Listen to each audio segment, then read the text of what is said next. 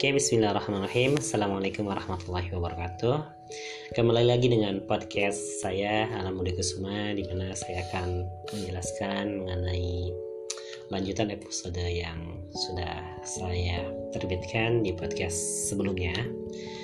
Pada episode ini saya akan menjelaskan dan mengupas mengenai bersandarlah hanya kepada Allah. Itu subtema kita.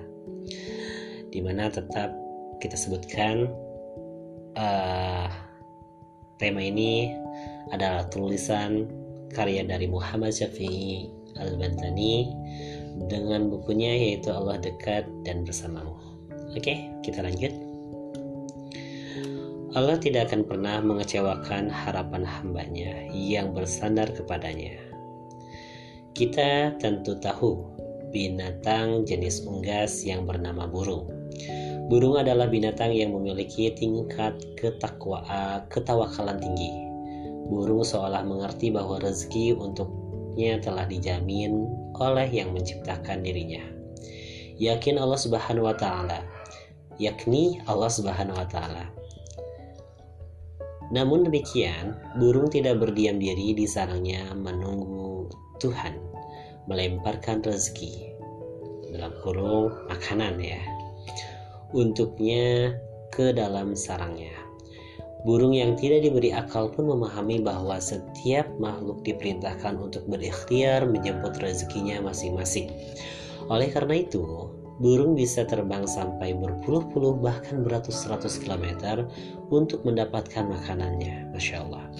Sebuah ikhtiar yang optimal dan dibarengi tingkat ketawakalan yang tinggi kepada penciptanya Allah Karim. Apa pelajaran yang berharga yang bisa dipetik dari pelaku burung ini, perilaku burung ini? Ya, tentang ketawakalan kepada Allah Subhanahu wa taala. Tawakal adalah berserah diri kepada Allah Subhanahu wa taala setelah semua proses ikhtiar dan doa dilaksanakan dengan optimal. Apabila ikhtiar yang dilakukan dan doa yang dipanjatkan belum maksimal, tetapi sudah berserah diri kepada Allah Subhanahu wa taala, maka belum dikatakan bertawakal. Hal ini karena tahapan-tahapan yang seharusnya dilalui belum dilaksanakan secara sempurna dan utuh.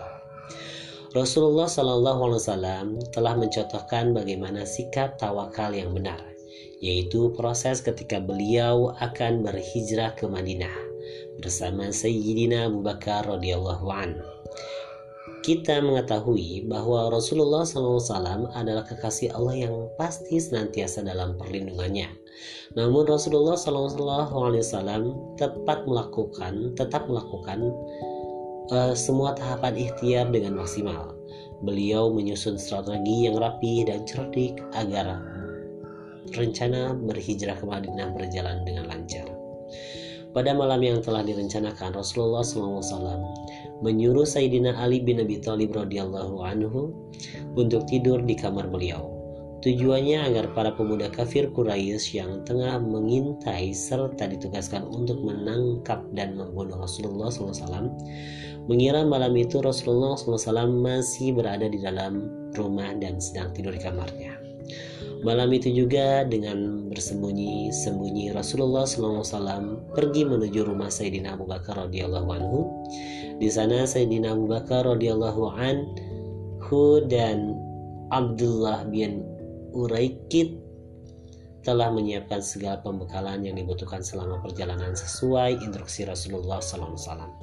Setelah semuanya siap, Rasulullah SAW bersama Sayyidina Abu Bakar radhiyallahu an berangkat berhijrah ke Madinah dengan Abdullah bin Uraikid sebagai penunjuk jalan. Abdullah bin Uraikid adalah seorang yang menguasai rute perjalanan yang aman dari Mekah ke Madinah. Sesampai di tempat yang diperkirakan aman, Rasulullah Shallallahu Alaihi Wasallam menyuruh Abdullah bin Uraikid untuk kembali ke Mekah dan menghapus jejak perjalanan yang telah mereka lalui. Sementara itu, para pemuda kafir Quraisy yang menyadari bahwa Rasulullah SAW telah berhijrah ke Madinah langsung melakukan pengejaran.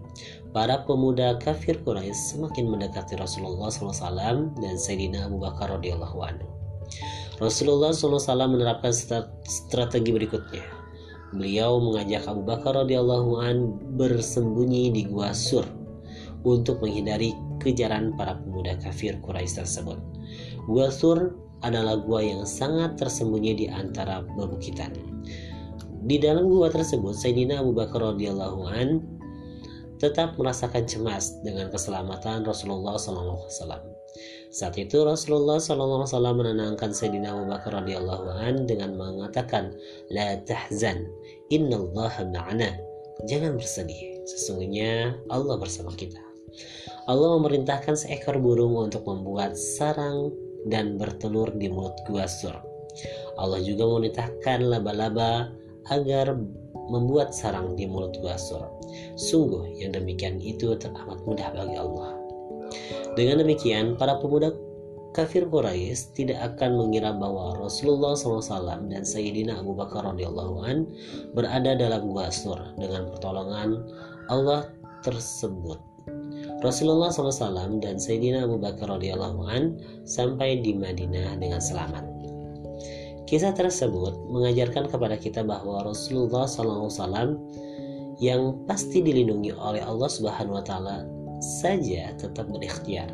Ikhtiar yang beliau lakukan begitu rapi dan cerdik. Lebih dari sekedar menggugurkan kewajiban ikhtiar. Demikian pula dalam hidup ini, kita harus berikhtiar secara optimal untuk memajukan hidup kita. Jangan lupa sempurnakan ikhtiar kita dengan berdoa kepada Allah Subhanahu wa taala. Kemudian barulah bertawakal kepadanya, pasrahkan segala urusan kita sepenuhnya kepada Allah Subhanahu wa taala secara total. Ketika kita telah melakukan ikhtiar dan berdoa secara maksimal, kemudian berserah diri dan memohon pertolongannya, niscaya Allah akan senantiasa menolong kita. Oleh karena itu, tawakal juga merupakan perpaduan antara kekuatan hati dan keyakinan, sebab dengan keduanya akan tercapai ketenangan hati. Rasulullah Shallallahu Alaihi Wasallam bersabda, kalau kamu bertawakal sepenuhnya kepada Allah, maka kamu akan diberi rezeki oleh Allah seperti rezeki yang diberikan kepada burung-burung yang waktu pergi pagi dalam keadaan lapar dan kembali sore dalam keadaan perut kenyang. Hadis riwayat Tirmizi. Seorang muslim dituntut untuk berusaha tetapi pada saat yang sama dituntut pula untuk berserah diri kepada Allah. Ia dituntut melaksanakan kewajiban untuk berikhtiar, kemudian menyerahkan hasilnya kepada Allah Subhanahu wa taala. Tawakal adalah sikap hidup yang indah dan mulia.